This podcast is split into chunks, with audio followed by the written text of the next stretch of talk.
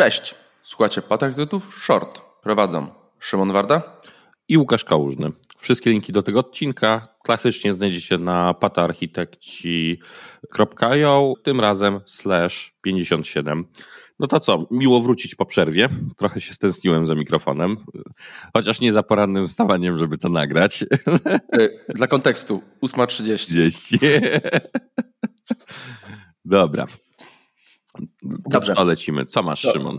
Ja mam dla ciebie zagadkę, bo dostałem się do raportu i żeby nie było jakiejś tam stronniczej organizacji, mianowicie organizacji Association of Digital Machinery. I raport dotyczy tego, ile czasu jest marnowane, to jest ważne, marnowane, czasu deweloperów marnowane jest na tak zwany no, technical debt. Mhm. Strzel liczbę. I jaki procent ich czasu jest marnowany na technical debt? Dobra, obstawiam, że pomiędzy 20 a 30%. 42.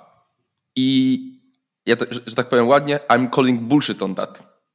Mój problem w ogóle z całym liczeniem, chodzeniem wokół technical debt jest taki, że po pierwsze, żyjemy z tym, co mamy, ale nie liczone jest, to będzie liczone w kontekście tego, ile kosztowałoby nas przepisanie. To jest pierwsza rzecz. Po drugie, wcale nikt nie powiedział, że przepisanie się uda i obniżymy to w ogóle w jakiś, w jakiś sposób. W ogóle, że nie cofniemy się tak naprawdę. I sorry, ten technical debt, to, że łatwiej się pracuje na kodzie, który jest nowy, to często wynika z tego, że on jest cały czas rozwijany, że ludzie mają tą wiedzę w głowie, tak, a nie z tego, że ten, te, te, biblioteki, które są starsze, no naprawdę. Czasem tak jest, zgodzę się jak najbardziej. Ale to wynika z aktualności wiedzy i tego nigdy nie przeskoczymy. Pewne systemy mają różne czasy życia, niektóre są aktualnie rozwijane, niektóre są mniej rozwijane, nawet obszary systemów i tak to będzie zawsze wyglądało.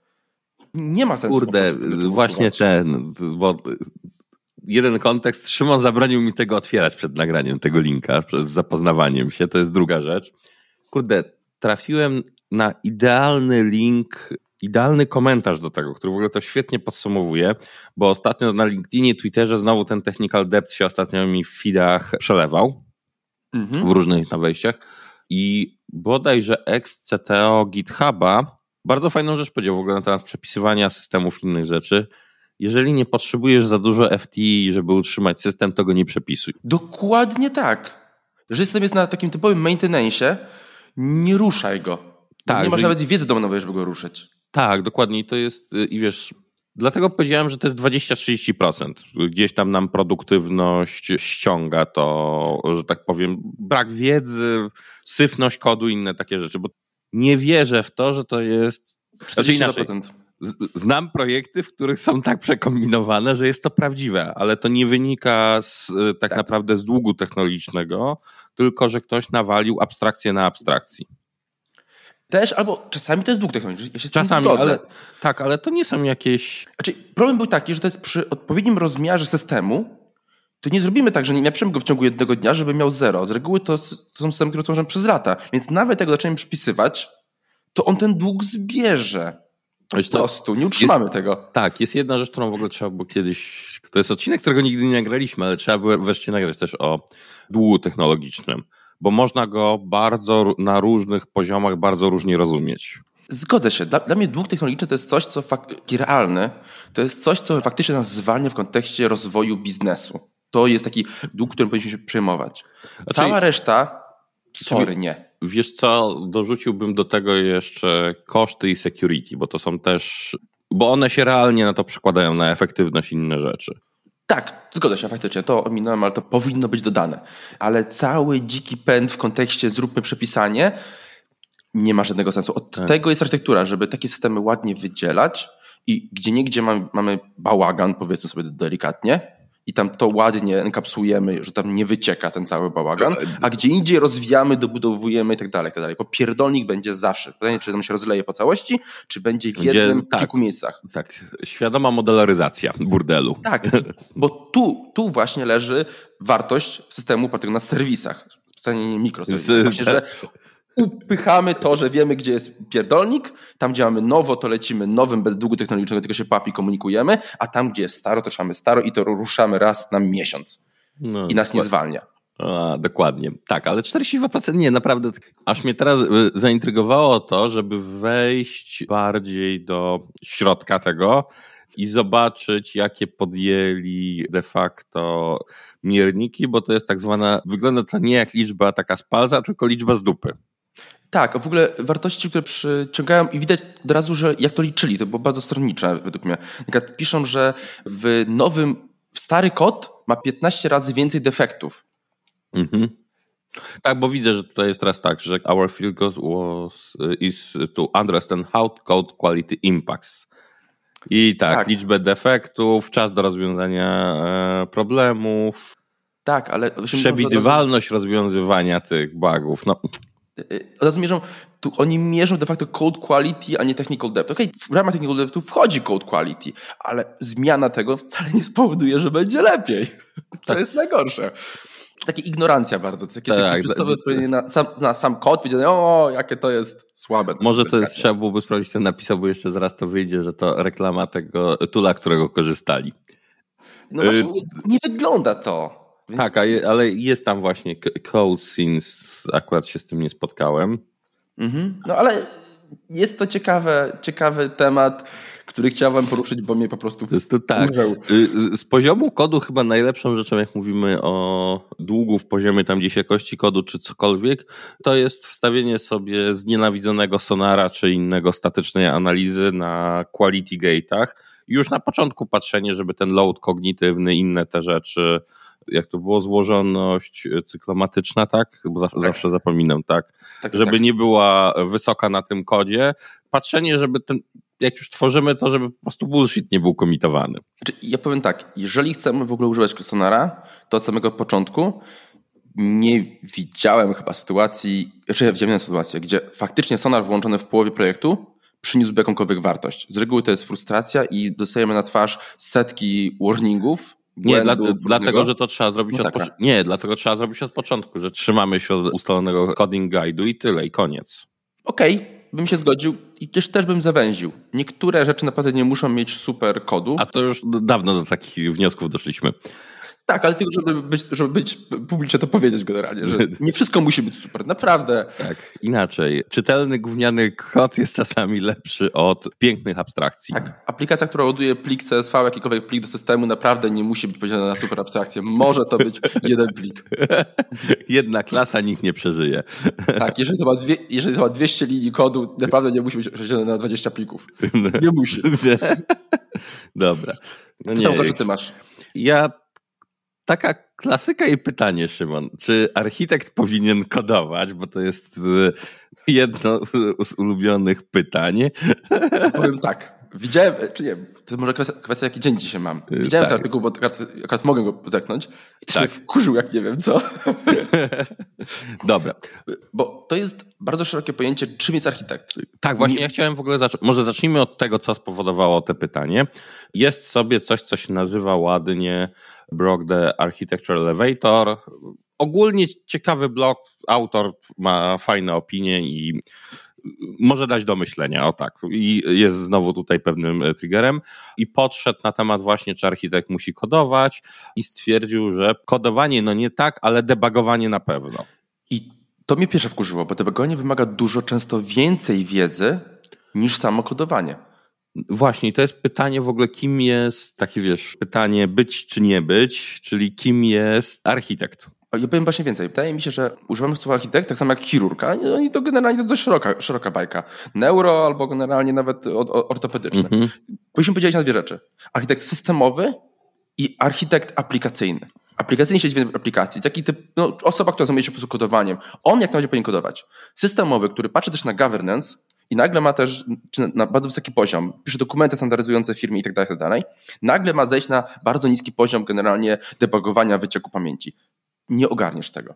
Tak, raczej powiedzmy sobie wprost, czy taki lead architekt, enterprise architekt, system architekt, jak go tam sobie nazwiemy, bo są też formalizowane nazwy, które gdzieś tam domenowy czy inny, na pewno musi mieć jakiś background i rozumieć to nie powinien podejmować decyzji, to jest bardzo ważne, nie powinien podejmować decyzji technologicznych, jeżeli przestał już to czuć. Zgadzam się. Znaczy... Tylko to jest czuć, a te czuć oznacza, że on nie musi być full-time koderem i poświęcać swojego 80% czasu na kodowanie. To, czy, ja powiem tak, to jest dla mnie właśnie ten taki lead architect, czy tam właśnie solution architect, czy architekt systemowy, to jest osoba, która po prostu powinna wiedzieć, umieć rozmawiać osobami odpowiedzialnymi za konkretne systemy, e, ale przede wszystkim na czym innym się zupełnie skupia. Debugowanie, okej, okay, ja, bo jestem w podobnej sytuacji.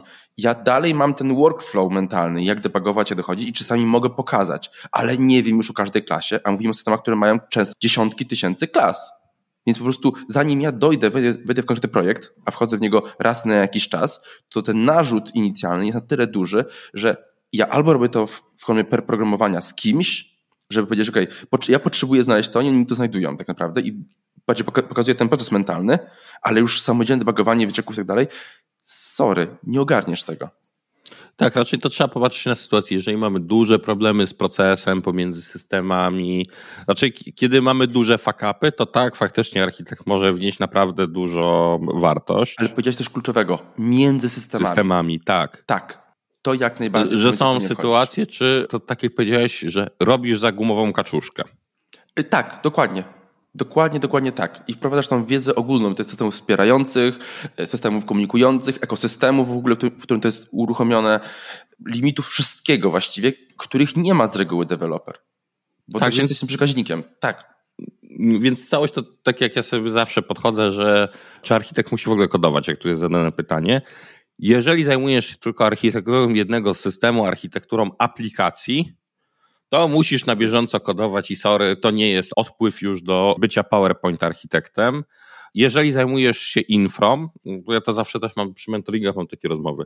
Jeżeli mhm. zajmujesz się infrom, nigdy nie pójdziesz jakościowo dalej, jeżeli trochę nie pokodujesz. Nie będziesz miał tej świadomości. Tak. Jeżeli ktoś wywodzi się ze ścieżki infrastrukturalnej i chce być dalej architektem, od właśnie solution architektem, system architektem, whatever, musi sobie trochę obrudzić ręce kodem, żeby mieć on już nie będzie świetnym programistą, świetnym architektem od samego software'u i to sobie trzeba powiedzieć, ale powinien już złapać ten feeling, o co w ogóle chodzi. To ja doprecyzuję feeling czego? Bo to nam wychodzi często w rozmowie. Ten feeling, gdzie to jest sensowniej i taniej zrobić. Czy w aplikacji, czy na poziomie platformy infrastruktury tak naprawdę, bo o to tak naprawdę chodzi. Bo ta, ta osoba decyduje, czy standardy pewnie implementujemy korzystając jakieś pudełko, biorąc jakąś usługę, która on nam to ogarnia, na przykład mhm. Mesha, czy bierzemy generalnie i na przykład dodajemy MTLS-a w każdej aplikacji. Tak, i, ma, tak, i ma, tą, i ma na przykład tą świadomość, że jesteś w stanie dopracować te mechanical sympatii, bo tu mi idealnie pasuje do tego. I żeby wiedzieć, czy to zajmie na przykład dwie dniówki, czy lepiej poświęcić tydzień, zrobić to na inszy i zapomnieć, bo tam roboty będzie jeszcze nie wiadomo ile. Tak, tak. i to, je, to jest takie moim zdaniem dobre podejście. Co do później, uważam, że jeżeli nie jesteś enterprise architektem, który już siedzi totalnie przy governance, modelu organizacji, innych takich rzeczach, że trzeba tą piłę troszeczkę ostrzyć i nie przesadzajmy, ale dobrze jest raz na jakiś czas zrobić jakieś POC, wziąć kawałek kodu, może zafiksować gdzieś sobie baga dla sportu, ale żeby być troszeczkę chociaż ostrzyć to. Nie wiem, czy baga, bardziej, bardziej tak naprawdę dewelopować toole wspierające. Tak naprawdę.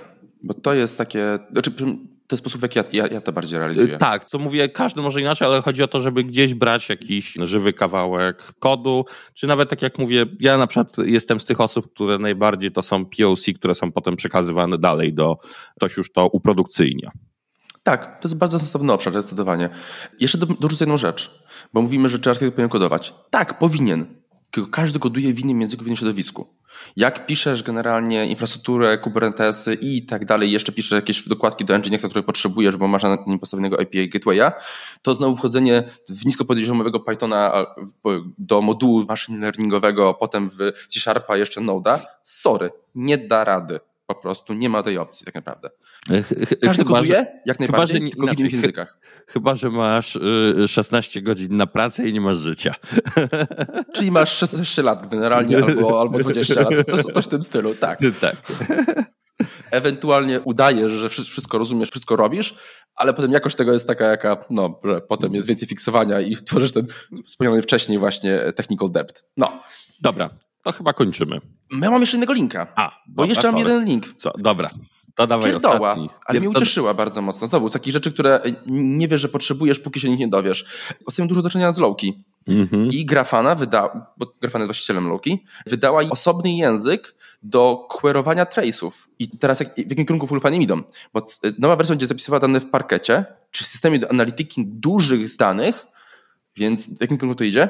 Jeszcze Loki przychodzi yy, nakłania tego, żeby w ogóle nie samplować, tylko pisać wszystko. Mhm. Mam przykład do Azure Block Storage'a. Dobra, wiesz co, to jest ciekawe, dobra. Tak, i do czego dochodzimy? Mając fajny język do analityki, i system plików do analityki big data, bo właśnie do, o tym wszystkim będzie mógł robić fajną analitykę na trace'ach i robić z tego takie naprawdę sensowne raporty. Bo już raport, który robiłem z trace'ów lat temu, nie wiem, tam chyba z sześć, to była po prostu wyciąganie wszystko do pamięci i przetwarzanie w ten sposób. I to było parsowanie JSONa. A jak będziemy mieli, to są możliwości nagle i wartość trace'ów w kontekście pilnowania jakości i patrzenia na całą skalę, to mi się, mi się mordka uśmiechnęła, bym powiedział. Raczej tak, dobra. Mam tylko jedno pytanie. Czemu Parket, a nie ten date'owy od Blixus, jak on się nazywa zawsze? E, data Table. Nie, tam jest, bożesz, e, Data Lake, zawsze zapominam. Delta Lake, ale faktycznie, faktycznie potem masz Delta Table, tak. To jest Delta, Delta Lake, o, Delta, tak. bo to jest Delta Lake. Form. Delta Lake jest moim standardem, ale potem faktyczna wartość to jest pojedyncza tabla, to jest, to jest Data Table. Tak, tak. Data Table jest nabudówką nad parketa. Ja wiem, tylko że, ja, tak, tylko że mówię format po prostu, jestem ciekaw. To, to już taka miłość do bebechów. Czemu akurat ten, a nie inny? Podejrzewam, że parket jest bardziej popularny i będzie z tego kontekstu wychodzą. No. Ale naprawdę ucieszyłem się, więc czekam na Loki wersji drugiej, bo z użycia, nawet jak używamy, mhm. to ja jestem pod wrażeniem. Naprawdę sensownie zrobione. Loki, tak, Loki. Raczej tylko jest. Trzeba się pogodzić, że to nie jest full text search i to jest bardzo fajne narzędzie. O, to jest moja opinia na ten temat. Tak, tak, ale integracja wokół tego, w jakim kierunku poszła Grafana, zaczynając od prostego dashboarda do budowania takiego fajnego mm. observability, pewnego toola, no, czapki z głową Dobra, powiedział. skończmy, bo zaraz wyjdzie nam, że trzeba zrobić nowy odcinek o observability. Dobrze, to teraz już kończymy na poważnie. Trzymajcie się. Trzymajcie hej. się, na razie, hej.